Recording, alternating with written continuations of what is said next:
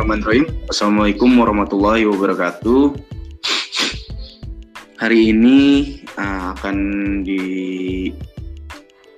apa diadakan kajian bulanan Himas yang ke-6 uh, di tanggal 25 April 2021.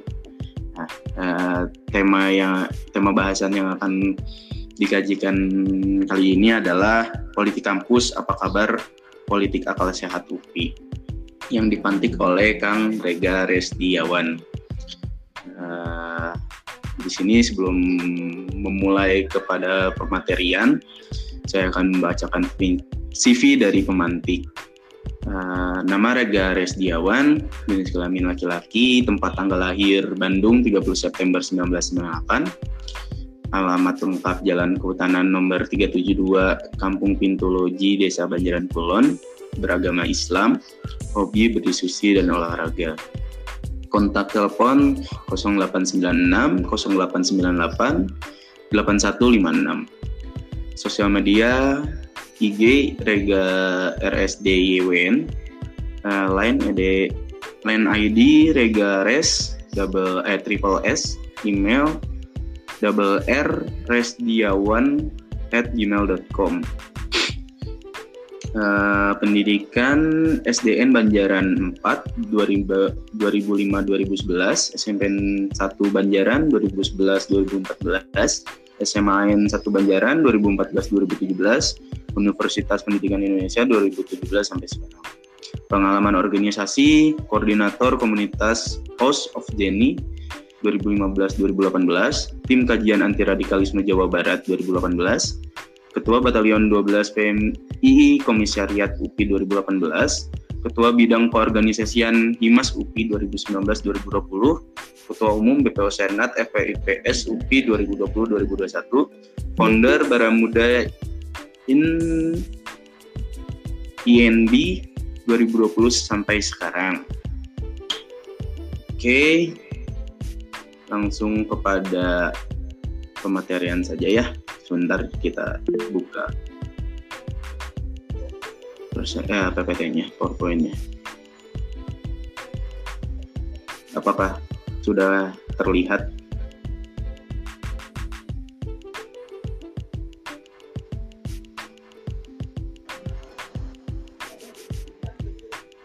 Apakah sudah terlihat PPT-nya di layar?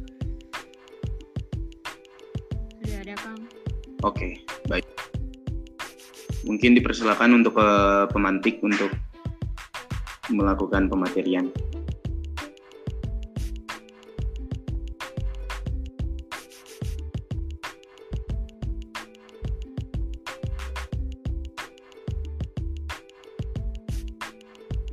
Uh, langsung aja awal ini, Wal. Udah ya. Uh, Bismillahirrahmanirrahim. Assalamualaikum warahmatullahi wabarakatuh. Wassalatu wassalamu ala anbiya'il mursalin wa ala alihi washabi ajmain nama badu.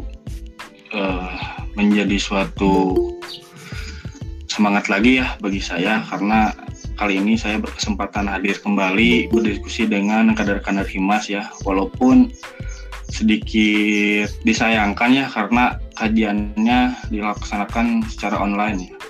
Padahal ketika secara offline kajian Himas itu sungguh luar biasa ya apabila diskusinya karena kadar-kadar Himas itu insya Allah menjadi kadar-kadar terbaik khususnya di UPI, fakultas maupun di uh, masyarakat ya.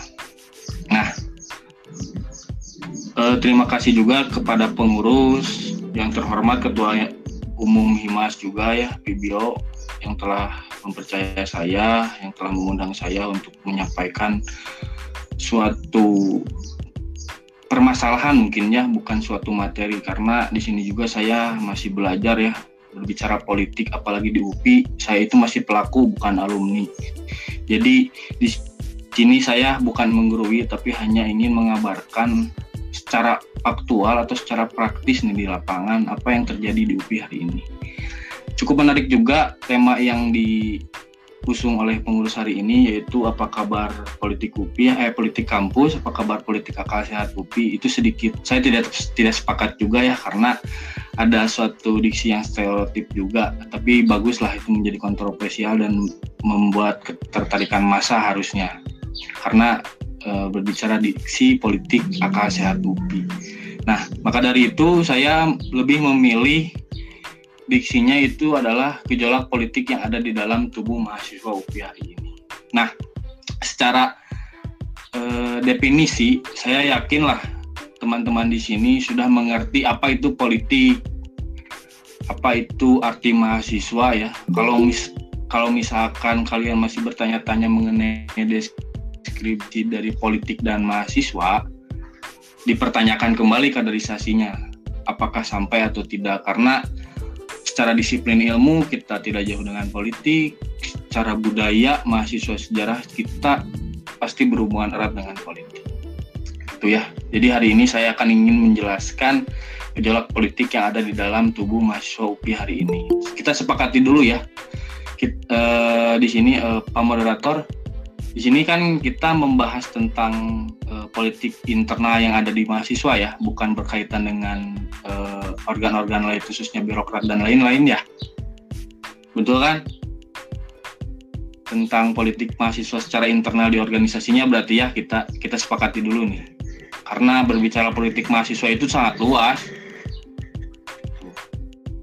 Berarti kita sepakati bahwa politik yang dimaksud pada diskusi hari ini adalah perpolitikan yang ada di internal mahasiswa UPI, mau itu tingkat jurusan, fakultas maupun universitas. Ya, di next operator uh, kelewat. Nah, berbicara politik mahasiswa, uh, sebaiknya kita berbicara dulu mengenai organisasi karena organisasi menjadi suatu faktor utama dari uh, pengaktualan politik itu karena di organisasi itu adalah wadah di mana uh, adanya suatu uh, transaksi politik, kegiatan politik atau interaksi sosial dan sebagainya. Maka dari itu uh, konsepsi uh, pikiran saya mengenai politik mahasiswa UPI adalah yang paling utama tentang kesadaran organisasi dulu sebelum kesadaran urgensi politik. Kita tahu semua ya dapat disadari juga oleh kita semua bahwa kesadaran organisasi eh, kian hari kian menurun ya. Itu juga masih perdebatan kenapa di dalam budaya mahasiswa mengenai kesadaran organisasi ini semakin menurun atau degradasi. Saya sering berdiskusi dengan senior-senior yang memang sudah berkecimpung di dunia kampus lebih lama. Saya ingin merelevansikan zaman kita dan zaman mereka itu seperti apa. Ternyata mereka berargumen seperti ini. Kenapa mahasiswa sekarang itu kesadaran organisasinya semakin menurun? Karena banyak ruang-ruang lain selain organisasi yang bisa menghidupi mahasiswa. Nah, dan kenapa dulu organisasi ini menjadi pionir atau suatu tumpuan satu-satunya mahasiswa? Karena satu-satunya ruang aktualisasi itu adalah organisasi dulu itu. Mahasiswa itu hidup dari organisasi. Uh, cerdas dari organisasi karena tidak cukup secara akademik saja karena organisasi ini memfasilitasi kita untuk beraktual secara langsung praktek ya. Mempraktekkan apa yang diterima di kelas dipraktekkan di luar apalagi kita gitu ya mahasiswa sejarah. Saya juga merasakan uh, kenapa saya sekarang menjadi ketua BPO Senat? Karena saya didukung oleh disiplin ilmu gitu. Saya kan pendidikan sejarah berbicara politik ya paling hatam lah karena kalian kan berbicara sejarah tentang negara, sejarah pemerintahan, di situ yang memang bau-bau politiknya banyak. Nah, kembali lagi ke kesadaran organisasi. Itulah hasil diskusi saya dengan senior dan memang apabila dilihat sekarang-sekarang gitu ya, apalagi di ruang-ruang diskusi jarang sekali bahkan hampir tidak ada yang mengatasnamakan sebagai politisi muda. Tidak ada kan ya? Kawan-kawan tahu sendiri. Lebih cenderung pemuda itu lebih keren ketika mendapatkan titel entrepreneurship muda, pengusaha muda atau uh, atlet dan sebagainya sehingga pada akhirnya itulah yang menjadi salah satu faktor di, di mana urgensi organisasi mulai tidak disadari oleh eh, kawan-kawan uh, hari ini atau uh, mahasiswa-mahasiswa hari ini sehingga pada akhirnya menciptakan suatu mahasiswa yang apatis apa sih organisasi saya pun bergerak sendiri bisa toh eh, menjadi pengusaha yang bisa menghidupi saya lebih dari organisasi pada ada esensi atau hal-hal yang lebih berpengaruh dibanding itu gitu ya. Di dalam organisasi kita belajar ekonomi bisa, kita buat organisasi secara ekonomi basisnya. Terus eh, kepemimpinan jelas karena organisasi pasti terstruktur. Ada ketua dan sebagainya, berbicara masa di situ pemimpin ya, dan lain sebagainya. Nah, itu kesadaran organisasi ya yang memang uh, mulai mulai agak menurun ya bagaimana sih eh, kesadaran organisasi itu nyambung ke politik yaitu di eh, bersama dulu dengan eksistensi organisasi mahasiswa. Bagaimana mahasiswa itu eh, suatu organisasi itu bisa eksis sehingga pada akhirnya memberikan suatu energi positif terhadap mahasiswa-mahasiswa yang baru atau suatu eh, orang-orang yang baru mengenal organisasi. Sehingga pada akhirnya membuat suatu ekosistem yang nantinya melahirkan pemimpin-pemimpin baru atau melahirkan pemain-pemain yang bisa berpolitik pada eh, pada akhirnya ke depannya. Karena dimulai dari kesadaran organisasi masuk ke eksistensi, eksistensi organisasi mahasiswa. Apa, eh, bagaimana sih eksistensi marga eh, eksistensi organisasi mahasiswa yang saya maksud itu adalah proses kaderisasi yang fundamental ya tentunya dan organisasi itu memiliki sebuah kepentingan untuk maslahat kemajuan organisasi termasuk kader yang ada di dalamnya. Namun yang paling hal yang menjadi hal fundamentalnya adalah proses kaderisasi itu sendiri. Karena di sini adalah penggodogan suatu anggota organisasi ya yang tadinya kosong menjadi berisi yang tadinya kurus menjadi gemuk gitu ya. secara uh, aktual dan secara pemikirannya ya. Karena di sini juga berperan penting nantinya akan melahirkan manusia-manusia unggul di mana yang saya maksud itu adalah nantinya bisa menjadi pemimpin para calon pemimpin para calon ya berprestasi secara individu entah nanti ke depannya. Namun ini semua faktor yang saya tuliskan di sini nanti akan berkaitan atau akan menjawab seberapa penting urgensi berpolitik mahasiswa. Ya variabelnya inilah kesadaran organisasi, masuk ke eksistensi organisasi mahasiswa yang di dalamnya ada proses kaderisasi dan sebuah kepentingan suatu organisasi. Entah itu kesalahan organisasi atau secara individu kadarnya untuk e, melanjutkan ke depannya untuk menghegemoni wadah-wadah yang ada. Itu ya dapat dipahami ya. Uh, next. Nah kita masuk ke kesadaran urgensi berpolitik bagi mahasiswa. Uh, bagaimana sih lahirnya urgensi sebuah urgensi atau sebuah uh, situasi yang memang penting untuk dilakukan? Ini suatu konsep yang saya buat. Pertama terlahir dari uh, distimulus oleh situasi dan kondisi. Apakah situasi dan kondisi itu memungkinkan sehingga pada akhirnya nanti menghasilkan sebuah kebutuhan dari setiap elemen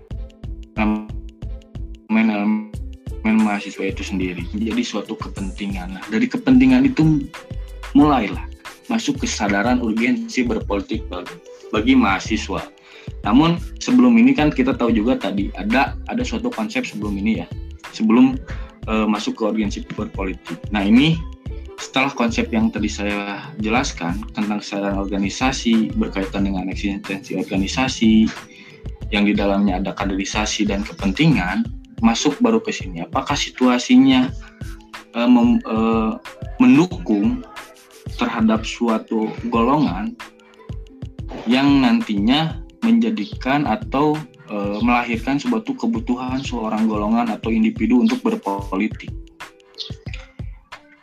Atau memiliki tujuan lah. Bagaimana mencapai tujuan atau memenuhi kebutuhan itu? Berarti mereka udah memiliki kepentingan. Sehingga pada akhirnya outputnya adalah mereka bergerak dan merasa berpolitik itu menjadi urgen gitu bagi mahasiswa. Penting untuk dilakukan ke depannya gitu. uh, next nah tadi berbicara uh, bagaimana urgensi uh, mahasiswa ya dimulai dari kesadaran organisasi sampai ke aktualisasi kepentingan yang nantinya menjadi output politik mahasiswa. Nah, tentunya berpolitik itu tidak tidak akan jauh dari suatu dinamika ya. Nah, ini adalah contohnya. Maksudnya eh, ketika sudah politik itu menjadi urgensi dan menjadi suatu pertandingan, maka di dalamnya ada suatu dinamika ya. Ketika sudah menjadi aktivitas saya akan memaparkan sedikit ya ini di sini tentang dinamika politik mahasiswa yang ada di UPI. Tentunya suatu dinamika politik mahasiswa itu tercipta dari latar belakang kepentingan dan tujuan antar golongan yang berbeda atau eh, di situ ada suatu pergesekan ya pergesekan kepentingan tujuan terus keinginan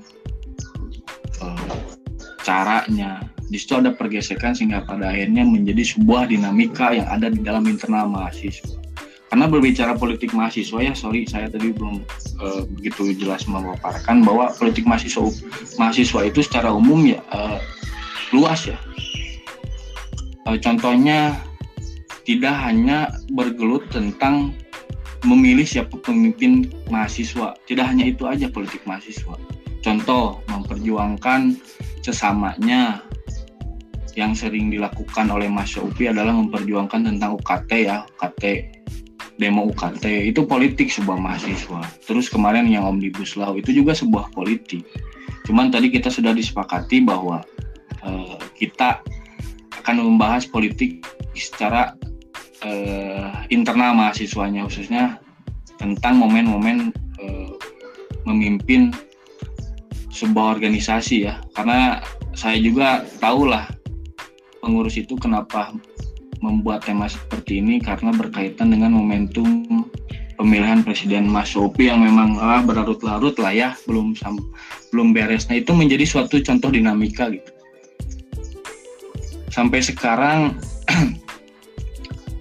eh, pemilihan Presiden Mas Upi yang harusnya sejak Desember sudah terpilih sebagai presiden baru, tapi sampai saat ini masih bergelut dengan dinamikanya gitu ya mahasiswa UPI itu belum melahirkan suatu pemimpin yang baru di universitas. Walaupun itu menjadi tanggung jawab saya ya, karena saya juga sebagai pimpinan fakultas yang memang satu tingkat lebih uh, satu tingkat di bawah universitas ya, itu menjadi tanggung jawab saya. Nah itu menjadi dinamika politik mahasiswa sekarang ya khususnya pada zaman sekarang masih uh, bergelutnya kepentingan-kepentingan dan tujuan-tujuan para mahasiswa secara individu maupun golongan sehingga pada akhirnya dinamika ini uh, terus uh, berjalan gitu dan dan itu menjadi suatu contoh buat teman-teman menilai apakah dinamika itu baik atau buruk. Ya karena uh, di secara definisi dinamika itu tidak bisa mutlak benar atau salah ya. Tapi ya tergantung dari teman-teman menghadapinya atau mencernanya ya.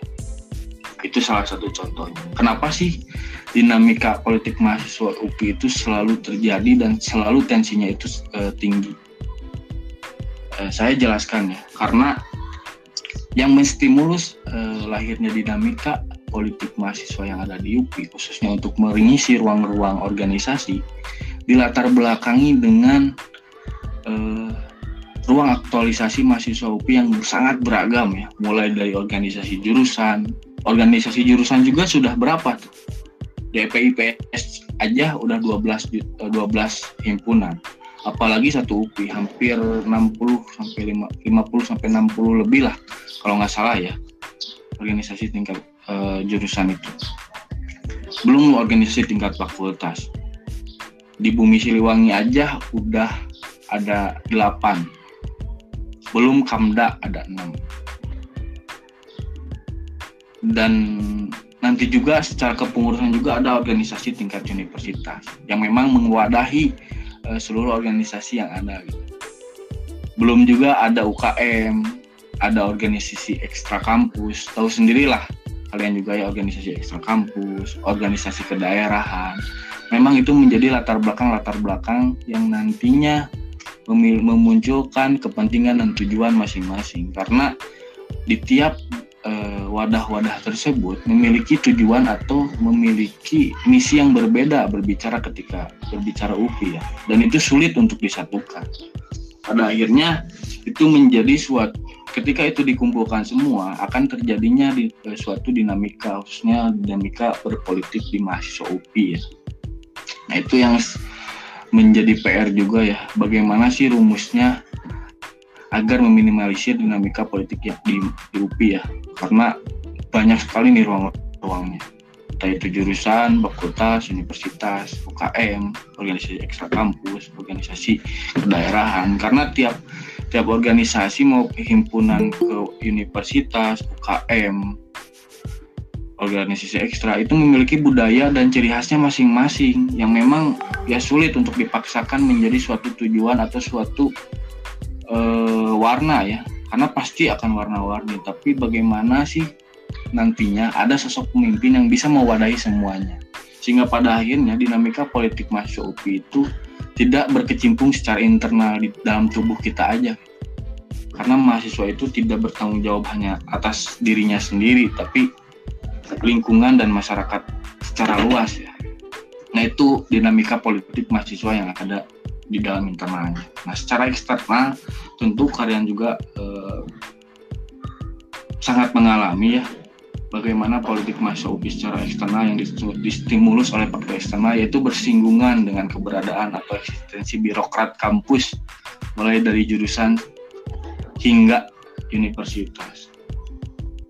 Uh, masih uh, contohnya ber, berpolitik secara eksternal ini yang bersinggungan dengan birokrat ya menjalankan broker, bagaimana caranya mendapatkan izin departemen mungkinnya kalau secara jurusan karena saya juga tahu ya dimulai dari 2015 sampai sekarang ya kepengurusan Himas itu sering sering lah beradu argumen atau seringnya adanya ketidaksepakatan ya dengan departemen itu itu secara eksternal namun tidak akan dibahas secara lebih meluas ya karena kita sudah sepakat bahwa uh, politik mahasiswa yang kita bahas hari ini adalah mengenai kontestasi uh, pemilihan pemimpin di antara kita. Bisa di next operator. Nah, eh, setelah berbicara dinamika, pasti ada problematika di dalamnya ya. Nah, eh, saya membuat sebuah tuh konsep mengenai problematika yang dinamika politik mahasiswa yang ada di UPI saat ini.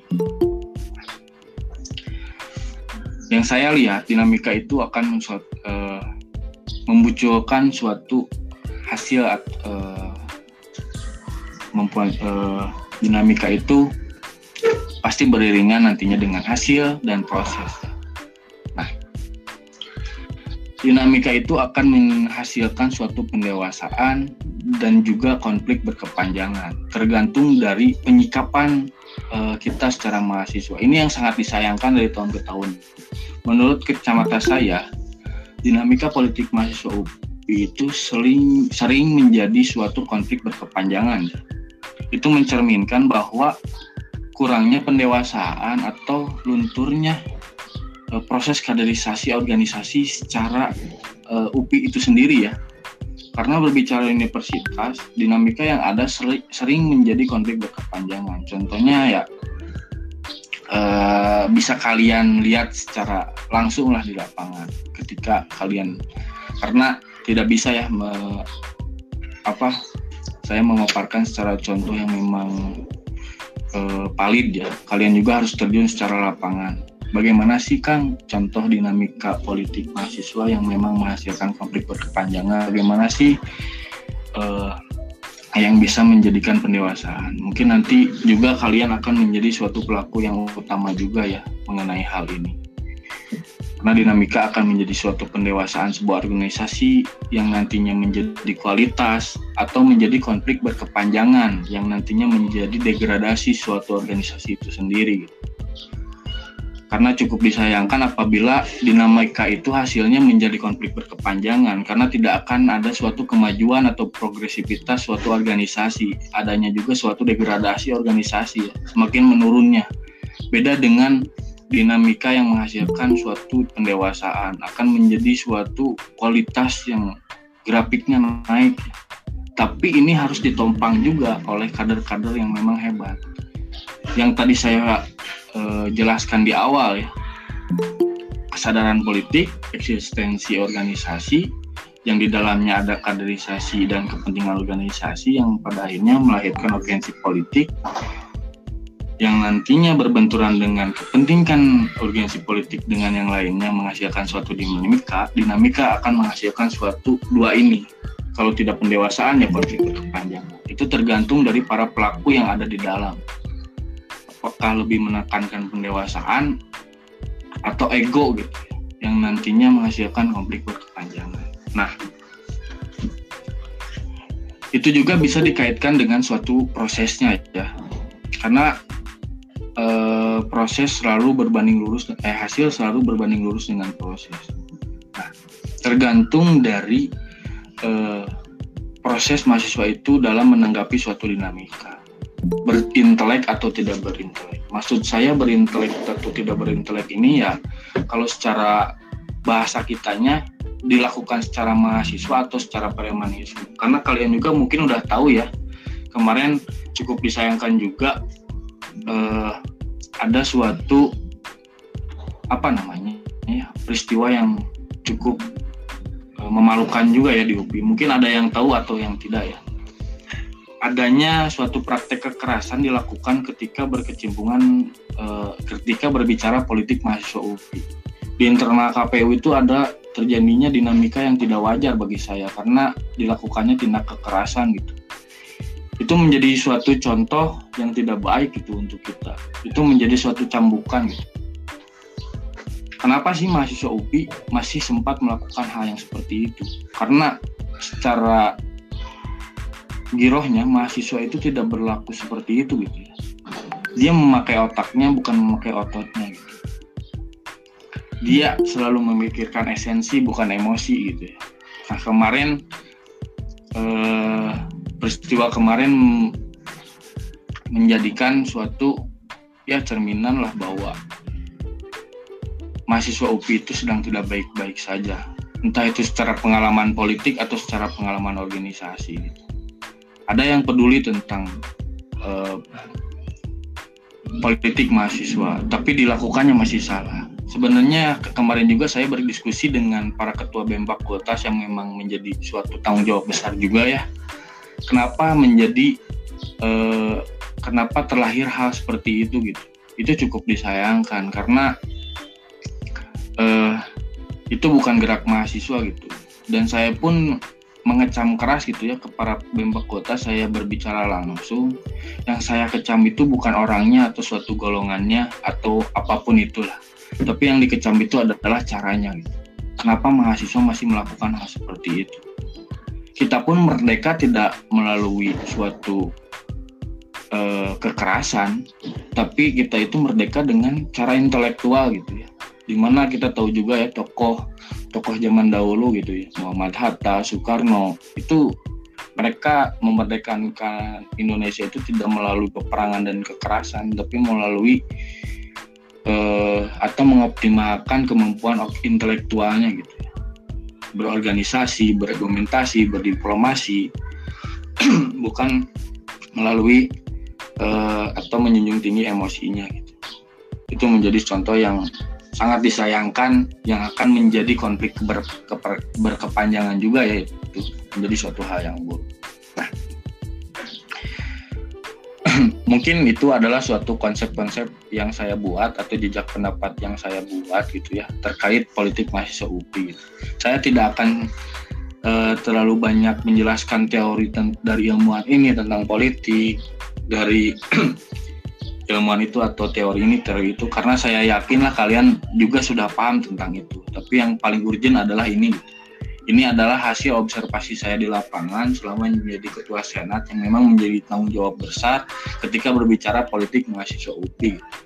Ya, karena saya menjadi pemantik yang moderator ya tidak akan lama mungkin ya e, berbicara.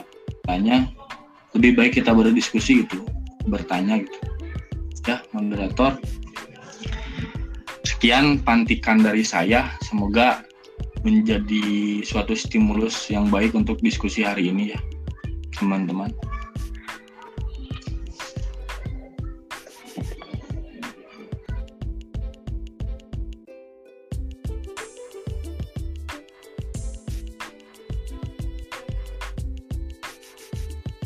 Ya, terima kasih kepada pemantik eh, Kang Rega ya yang sudah menyampaikan pemateriannya.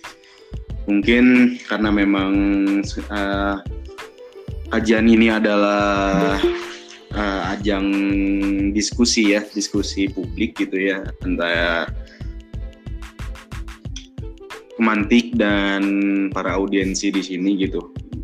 Agar terjadi suatu diskusi maka alangkah lebih baiknya jika memang ada yang ingin apa ya uh, menyampaikan penambahan pematerian ataupun pemahamannya dan intelektualisasinya silahkan untuk uh, on mic untuk memberikan uh, apa pemahamannya mengenai perpolitikan di kampus UPI gitu.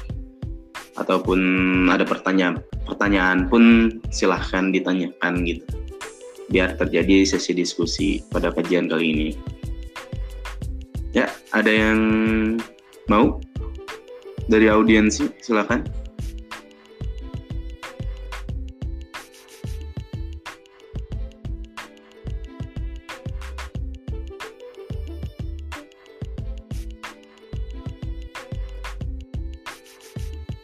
Karena memang pada kajian kali ini memang bahasannya cukup menarik gitu. Uh, menjadi suatu bahasan yang menjadi urgensi untuk kita semua untuk membahas hal ini gitu karena kita kan sebagai mahasiswa UPI ya. Uh, yang mana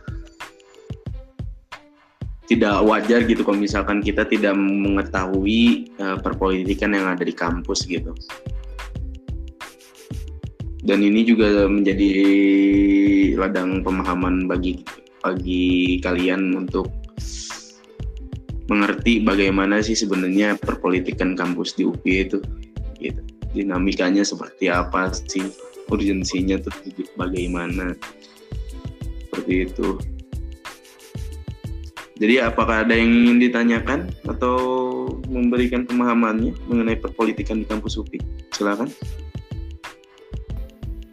Dari saya dulu mungkin Pak Awal. Silakan silakan Widi Iya, izin Kang Rega, semoga sehat Kang Rega di sana.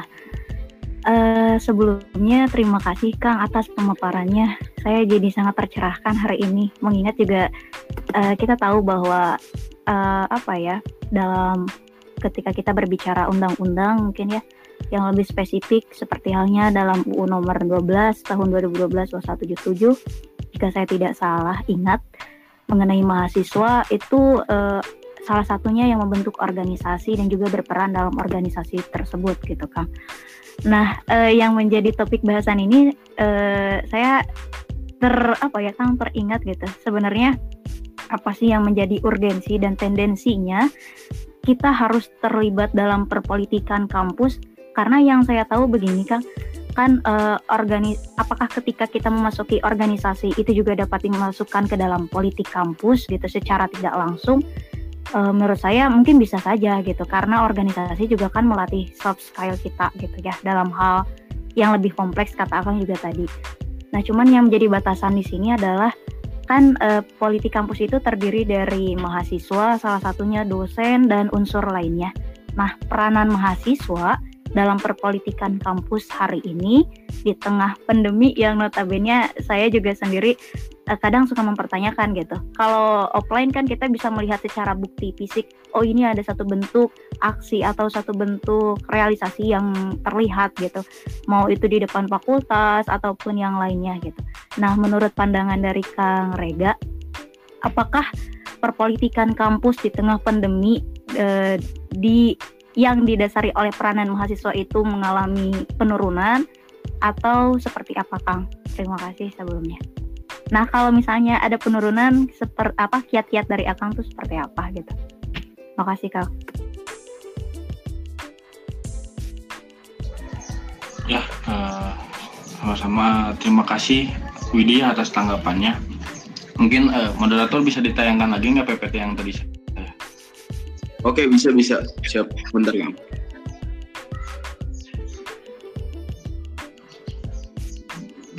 Bentar ya, biar enak jelasinnya. Tadi kan Widi itu menjelaskan eh, ketika kita mengikuti menjadi organisasi ya, men menjadi anggota organisasi itu apakah otomatis ikut dalam politik kampus atau tidak? Tah ini, nah ini, gedein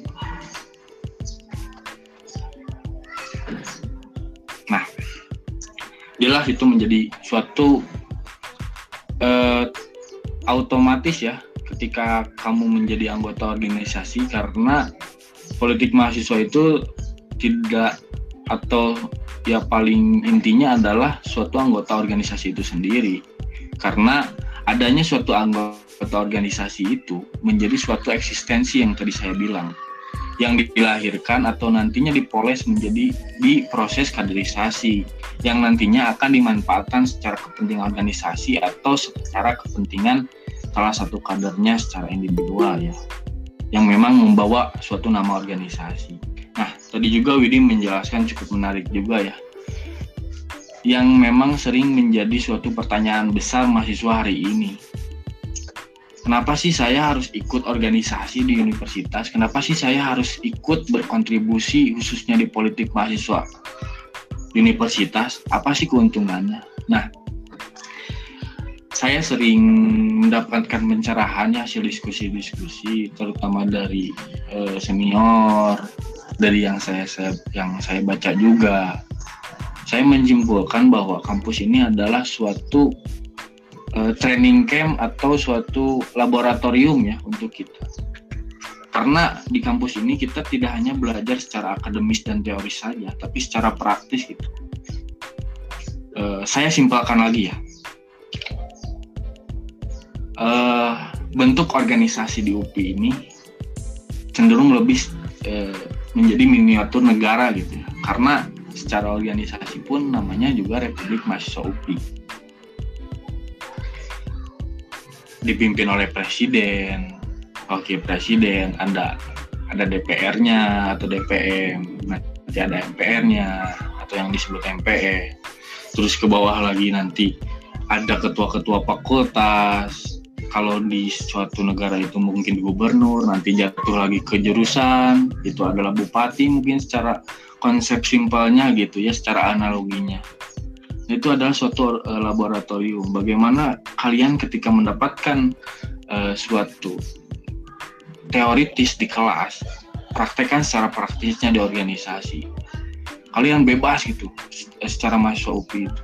Secara mahasiswa itu manfaatkan kampus itu tempat latihan kalian nantinya untuk uh, berkarir di luar gitu ya secara luas.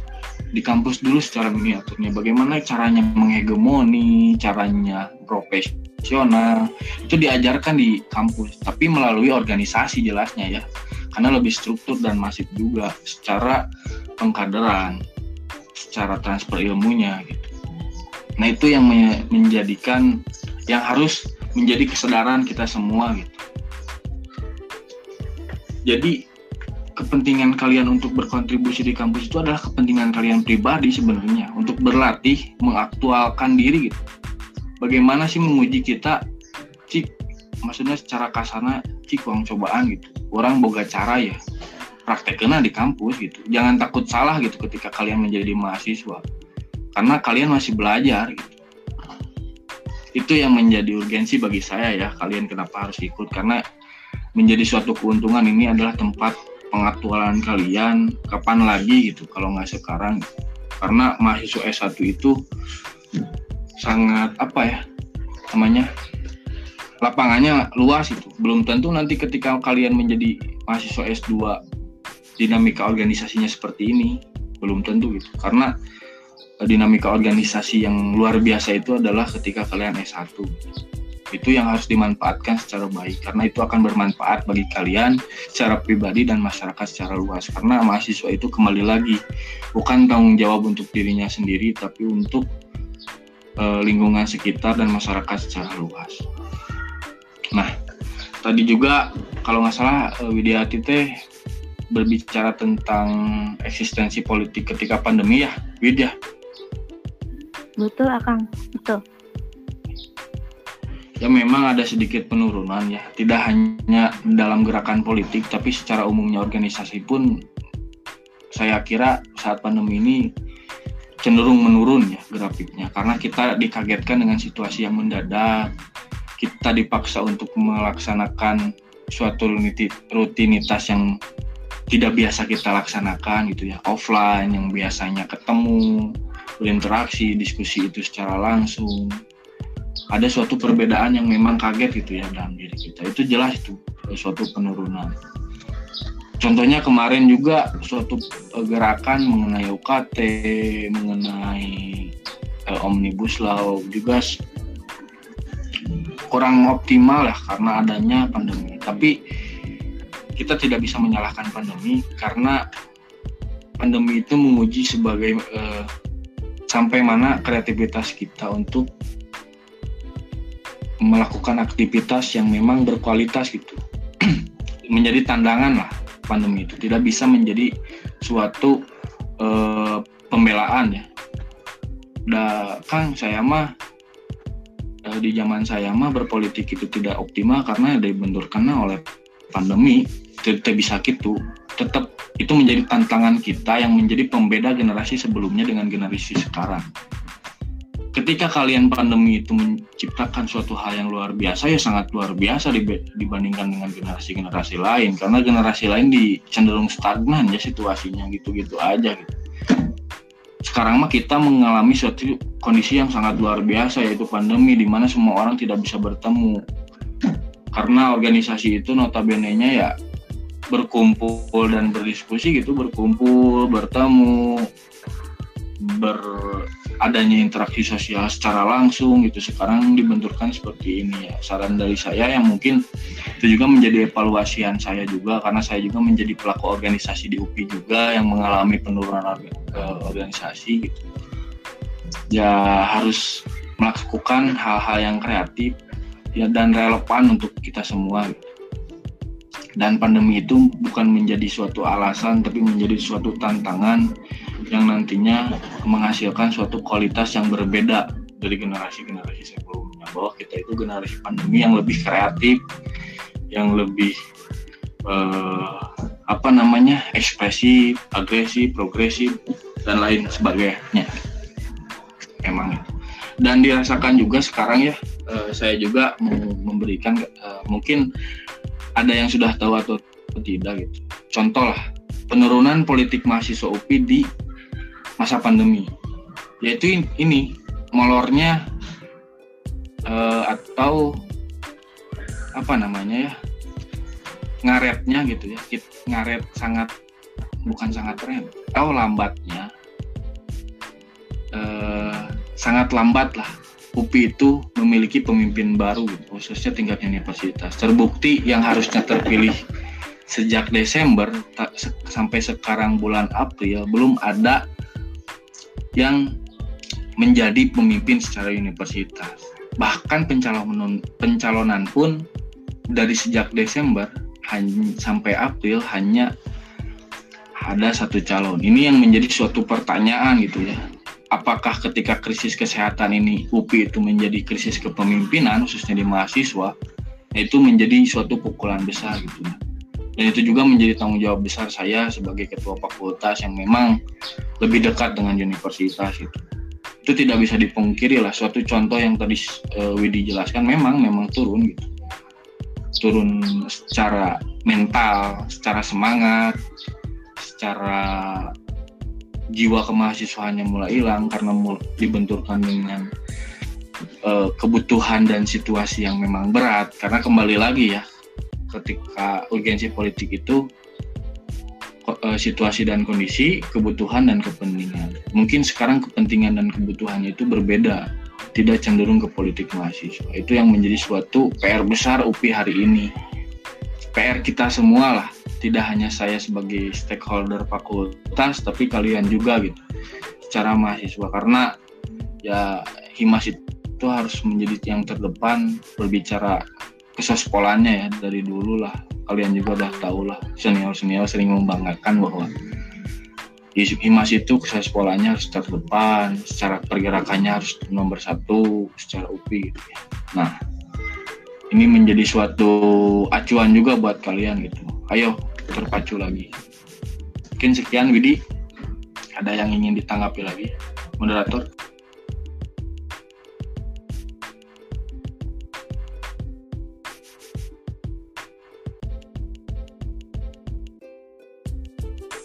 Oke, ini di chat ada yang menanyakan dari Azira Firdaus izin bertanya moderator Menurut pendapat Akang, bagaimana hubungan antara organisasi eksternal dan internal yang saat ini sedang berkembang di UPI?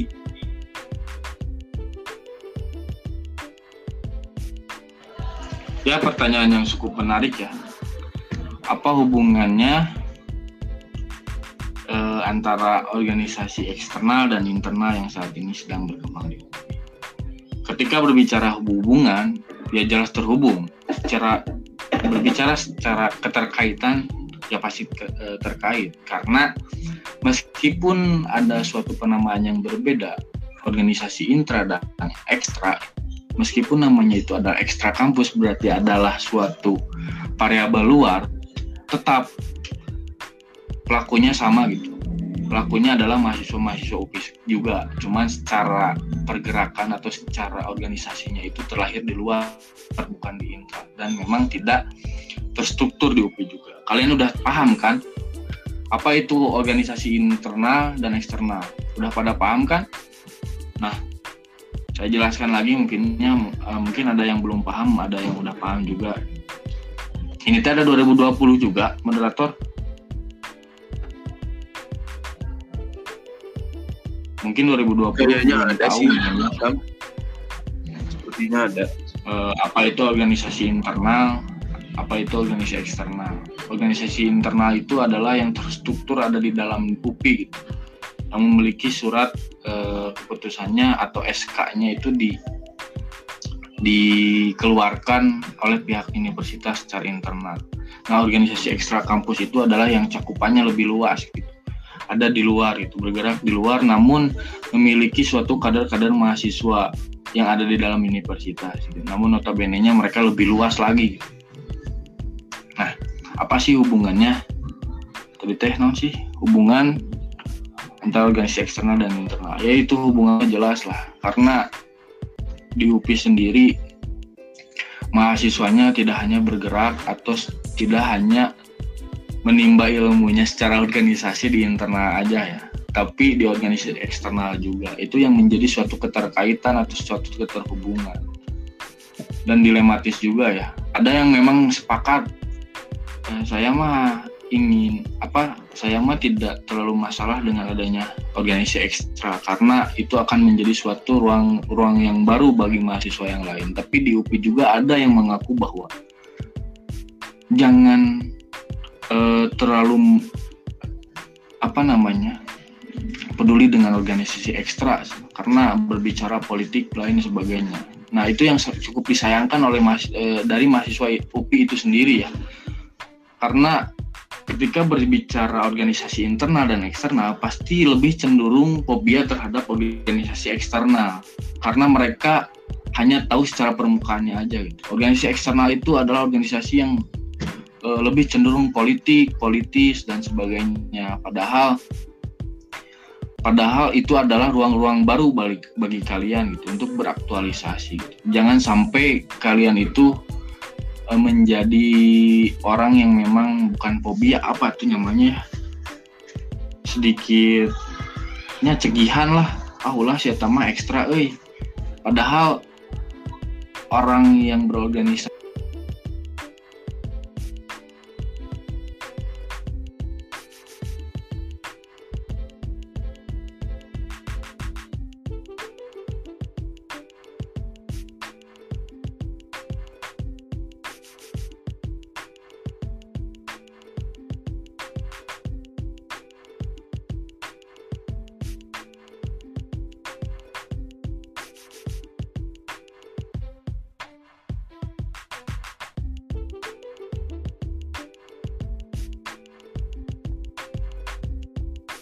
mutlak hal-hal negatif organisasi di zaman dahulu masuk di zaman sekarang. Tergantung orang-orangnya tergantung praktekan-praktekannya.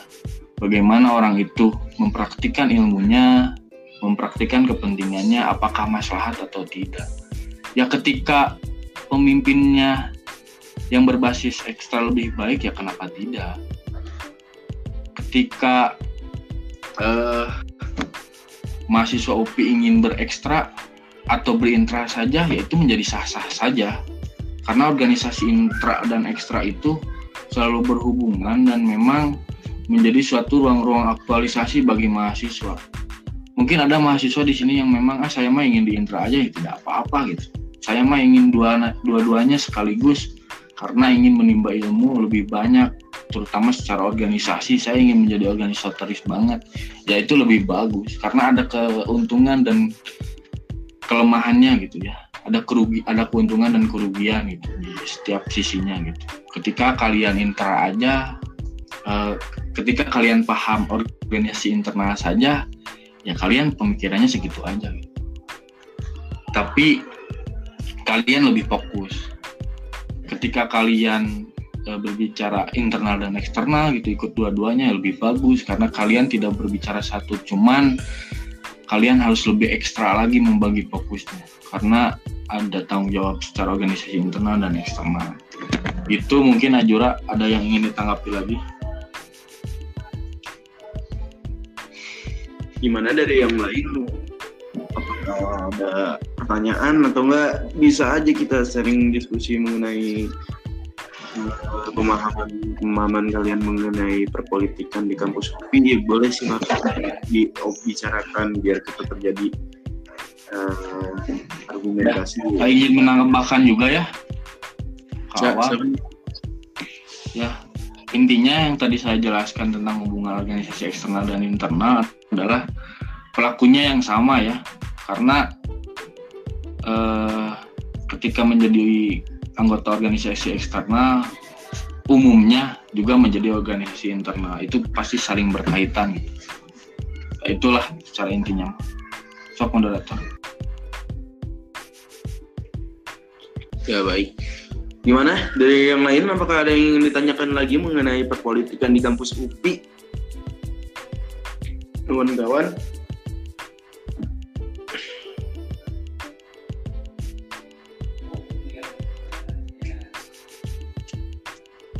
gimana?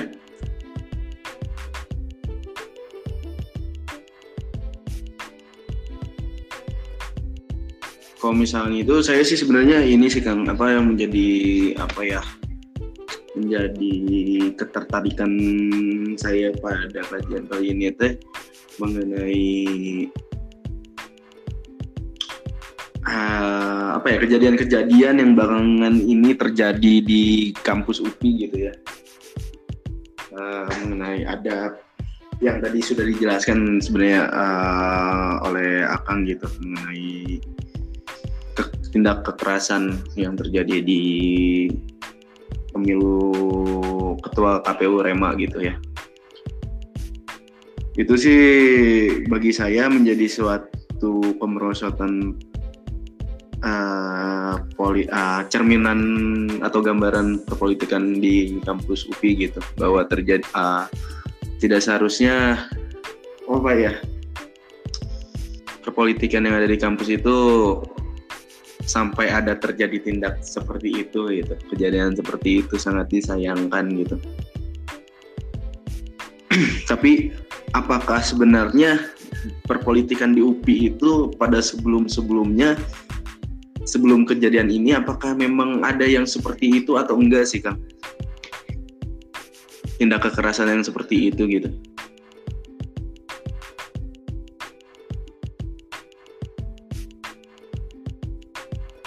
Kang punten di mute eh unmute. Lupa lupa. Sorry sorry sorry. Puasa eh jadi nggak fokus. Sorry sorry. benar benar. Eh. Sebenarnya itu fenomena yang cukup langka juga ya di UPI karena saya juga belum mendengar lah adanya suatu tindak kekerasan yang berhubungan atau ketika keberlangsungan politik mahasiswa di UPI khususnya pemilihan kepemimpinan secara universitas ya. Itu suatu hal yang mengagetkan juga ya. Karena yang saya tahu ke belakang ke belakang tidak ada kekerasan secara kontak fisik ya. Kemarin bukan hanya kontak fisik tapi melakukan senjata tajam juga ya kalian tahu sebenarnya itu bukan peperangan antar golongan sih atau penyerangan sebuah ketua KPU tapi itu adalah masalah internal KPU itu sendiri gitu ya ketua-ketua dan anggotanya juga yang saya lihat kemarin. Mungkin kemarin banyak lah isu-isu di luar fakultas ini dengan fakultas ini atau golongan A dengan golongan B. Kejadian itu tekan dikaitkannya seperti itu. Nah saya mumpung saya ketua fakultas, saya hadir dan menengahi masalah itu waktu kemarin bahwa itu adalah dinamika yang ada di KPU-nya itu sendiri gitu. Meskipun yang memang benar si ini berasal dari sini, si itu berasal dari situ. Tapi secara umum atau secara eh, faktanya di lapangan bahwa itu jelas ada miskoordinasi dan apa namanya ya mungkin kurang terwadahi lah sehingga pada akhirnya ada konflik secara internal. Yang disayangkan itu konfliknya bukan hanya kekerasan secara verbal tapi kekerasan secara fisik juga ya. Karena saya tahu dari saya mahasiswa baru sampai sekarang di UPI itu kalau berbicara politik kampus itu belum ada sih yang sampai kekerasan seperti itu. Apalagi menggunakan senjata tajam ya sampai menodongkan pisau dan sebagainya gitu. Itu bukan ciri khas sebuah mahasiswa gitu.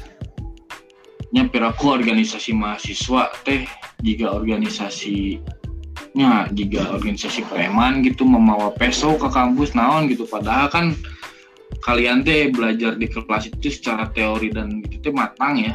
Harusnya secara argumen ketika kalian diserang secara argumen serang lagi secara argumen. Apalagi eh, mahasiswa itu ketika berargumen itu dilarang untuk menyerang secara pribadi dan fisik. Itu yang paling utama. Mahasiswa itu hanya saling serang secara argumennya saja. Itulah.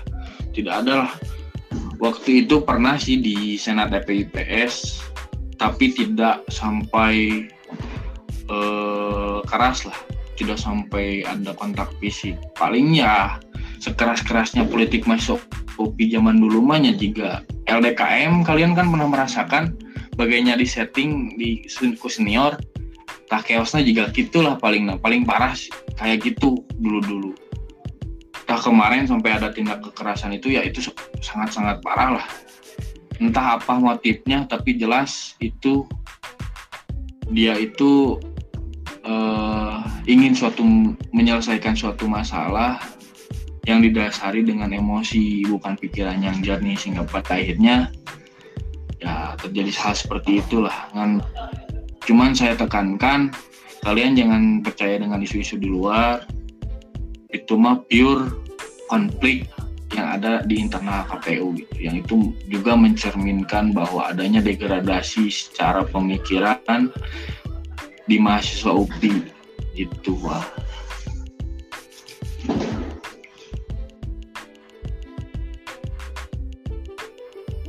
Oke Kang, tapi berarti berarti atau ya ini menjadi uh, ya kepengurusan ataupun dinamik uh, apa ya perjalanan perpolitikan di UPI itu pada sekarang berarti mengalami kok bisa dibilang mengalami kemerosotan ya Kang ya dengan kejadian seperti ini menjadi menjadi apa peristiwa sejarah lah berarti dibilang bisa dibilang yang sangat uh, mencoreng nama baik perpolitikan di UPI apa khususnya di uh, eh, KPU Rema UPI gitu Kang. Ya itu menjadi sejarah yang sangat buruk lah. Sebuah apa namanya? Ya sejarah yang uh, buruk. Tapi dari sejarah buruk itu sebisa mungkin kita menjadikan suatu yang baik di masa depan gitu ya. Jangan sampai hal tersebut terulang lagi gitu.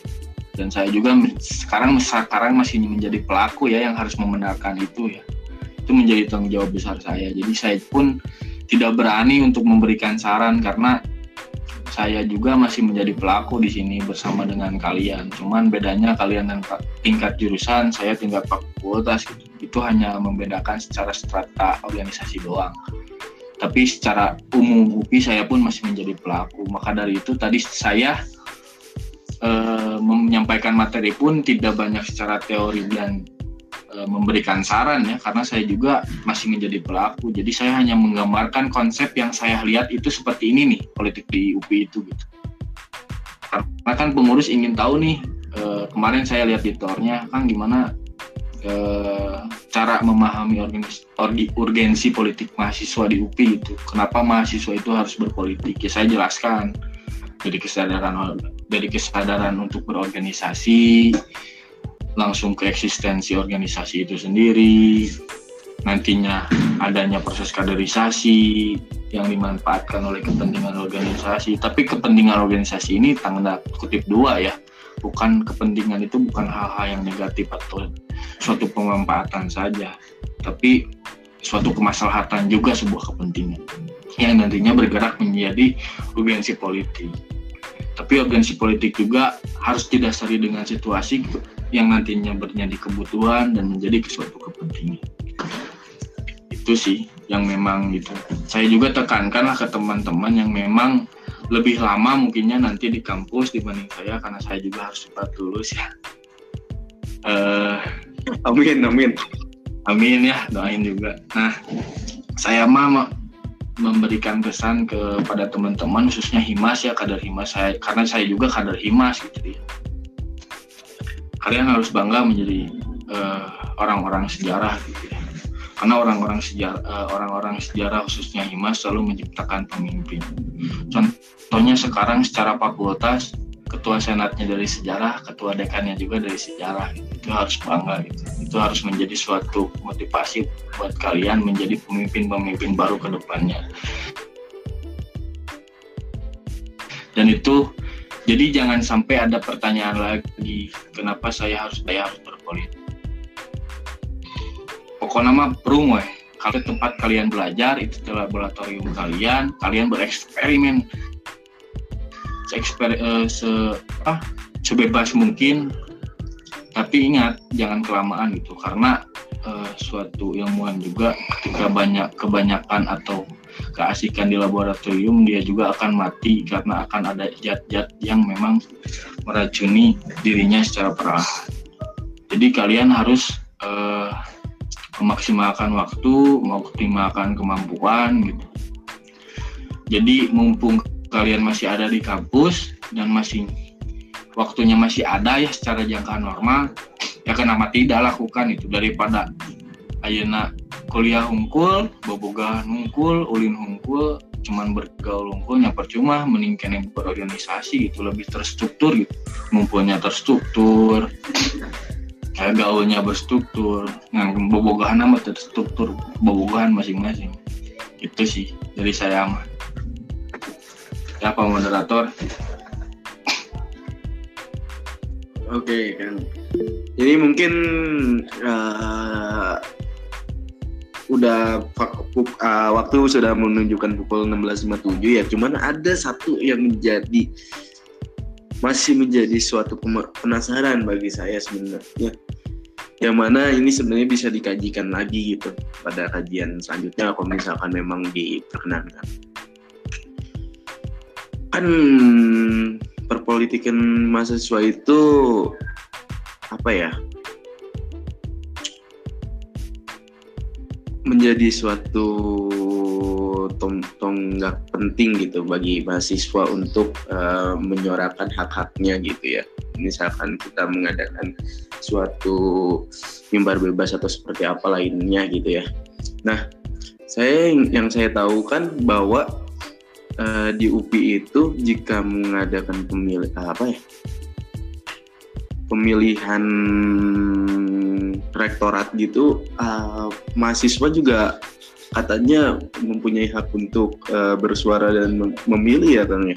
Nah tapi katanya belakangan ini yang saya dengar-dengar kan uh, mahasiswa tidak di, uh, diikut sertakan turut andil uh, memilih uh, suaranya gitu kan apakah itu seperti itu atau gimana kan sepemahaman abang karena ini menjadi suatu apa ya ketertarikan bagi saya juga nih kan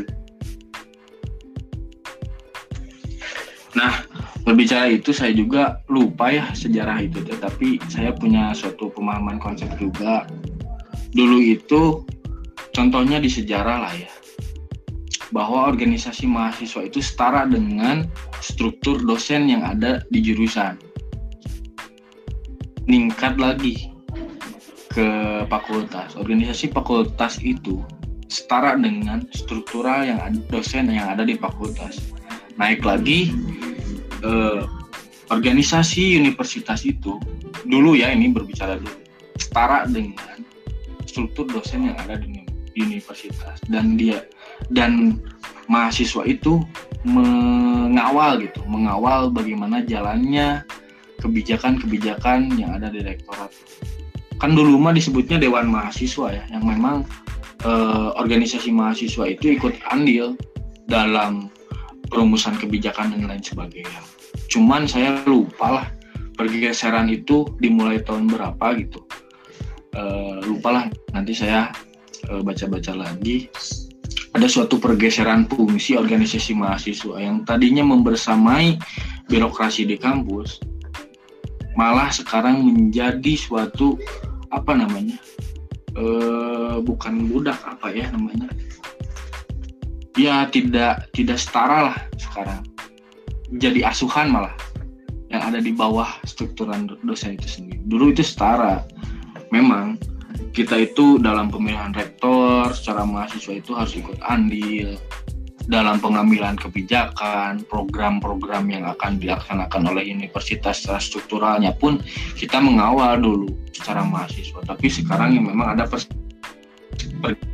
pergeseran mana kan kita juga eh, secara jurusan kan sekarang bukan departemen secara benar tuh walaupun kita secara girohnya tetap kita itu secara tapi ada pergi ketika kita melaksanakan uh, kegiatan kan harus ada perizinan dulu itu tidak hanya mengkoordinasi di dalam proposal pun dijelaskan tidak menyetujui tapi mengetahui dulu itu. Tapi kan sekarang di proposal itu pihak birokrat itu menyetujui kan, bukan mengetahui. Dulu itu mengetahui pesan yang ada di proposal itu. Sekarang menjadi menyetujui, menyetujui itu ada pergeseran fungsi uh, organisasi mahasiswa itu sendiri. Bukan per, bukan pergeseran fungsi, per, pergeseran wewenang lah birokrat dengan uh, organisasi mahasiswa sehingga pada akhirnya kita sering diintervensi lah oleh pihak birokrat. Namun ya tetaplah saya berpesan ketika ada intervensi pun kita harus tetap dengan giroh mahasiswa kita itu bebas itu maksudnya. Selama rasional dan bermanfaat untuk organisasi ya lakukan. Ketika banyak intervensi ya coba diluruskan gitu. Contoh ketika saya juga nggak waktu mengkader 19 kenapa saya itu kekeh saya bukan untuk uh, mempertahankan budaya-budaya yang jelek, tapi kaderisasi yang saya bawa itu yang bermanfaat untuk organisasi dan keberlangsungan kaderisasinya. Sehingga pada akhirnya saya nekat. Karena saya sering ngobrol lah. Karena mahasiswa mah memang bebas. Dan tiba lagi mahasiswa mah. Ketika berkegiatan pun proposalnya lain menyetujui si birokrat ya, tapi mengetahui. Makanya kemarin saya juga ya agak keras kepala lah laksanakan kandidasi 2019 walaupun ya jelek juga terlalu memaksakan tapi ada suatu resiko dan peluang yang saya pikirkan itu sih wah memang harusnya sih sangat berkontribusi gitu mahasiswa. Karena kebijakan-kebijakan yang nantinya dikeluarkan oleh rektor itu akan berdampak juga ke kita gitu. Tapi ya banyak e, hal represif yang dilakukan oleh pihak pemerintah yang turun ke birokrat kampus sehingga pada akhirnya ada pergeseran-pergeseran wewenang mahasiswa terhadap birokratnya sendiri. Gitu sih. Saya lupa lah eh, tentang tahun atau prosesnya seperti apa gitu. Tapi itu yang saya ingat. Oke kang. Sip. Oh gitu. Mungkin uh, sedikit tercerahkan ya uh, dengan jawaban-jawaban tadi. Dan semoga uh, karena memang sekarang pukul sudah meng, uh, memperlihatkan 17.04 dan kita uh, bersiap-siap untuk melakukan buka puasa bagi yang menjalankan ibadah puasa Ramadan. Uh, semoga audiensi di sini yang hadir pada kajian kali ini semoga diberikan wawasan yang baru, pemahaman yang baru dan kerangka berpikir yang baru gitu ya untuk memahami perpolitikan di kampus UPI itu seperti apa karena tadi sudah dijelaskan uh, urgensinya seperti apa dinamikanya seperti apa ya dan problematikanya seperti apa di kampus UPI gitu perpolitikan yang ada di kampus UPI semoga uh, apa ya kajian kali ini menjadi bermanfaat dan menjadi berkah karena saat ini sedang Ramadan. Uh, tetap semangat ya jaga kesehatan selalu bagi uh, bagi teman-teman yang ada di kajian kali ini. Yang menjadi poin penting sebenarnya bahwa uh, kita sebagai masyarakat atau uh, dan khususnya kita sebagai mahasiswa sangat penting untuk kita uh, uh, terlibat atau memahami setidaknya perpolitikan yang ada uh, di kampus gitu ataupun yang ada di sekitar kita gitu. Karena uh, kita tidak sebenarnya tidak dapat terlepas dari namanya politik itu sendiri gitu. Bahkan kita nantinya di saat kita mengembang eh mengembang waktu uh, apa ya ditempatkan pada tahun uh, umur 17 tahun kita nantinya akan memilih uh, ataupun sudah mempunyai KTP kita berhak memilih presiden kita gitu. Nah, jadi kita tidak terlepas gitu dari namanya politik. Itu saja mungkin. Uh, terima kasih yang sudah hadir dalam kajian kali ini. Uh, mungkin ditutup saja gitu ya Kang ya. Gimana? Dari saya terakhir atau ya. Oke oke Kang silakan. Ya buat teman-teman tetap berproses, tetap bergerak ya. Walaupun dalam masa pandemi ini uh, jangan melunturkan semangat. Kalian bisa menjadi suatu generasi yang sangat hebat ketika menyelesaikan sebuah tantangan dan suatu memanfaatkan suatu peluang yang baik ketika masa pandemi ini. Saya juga sering tercerahkan oleh oleh uh, kata-kata dari Mahatma Gandhi ya. Belajar, belajarlah seperti engkau mati eh, belajarlah seperti engkau hidup selamanya dan hiduplah seperti engkau mati di esok hari. Itu yang selalu saya tanamkan di dalam pikiran saya gitu kata-kata Mahatma. Mungkin sekian ya pemaparan dari saya e, karena di sini saya bukan untuk menggerui karena di sini saya pun sama dengan teman-teman cuman posisinya saya saya sedang memegang organisasi fakultas tapi teman-teman itu di jurusan itu yang hanya membedakan tapi saya pun sama gitu mohon maaf apabila ada salah-salah kata gitu. Selamat uh, berproses, selamat menunaikan ibadah berpuasa dan berbuka juga untuk yang menunaikan. Ditutup dengan doa ila Wassalamualaikum warahmatullahi wabarakatuh. Waalaikumsalam warahmatullahi wabarakatuh.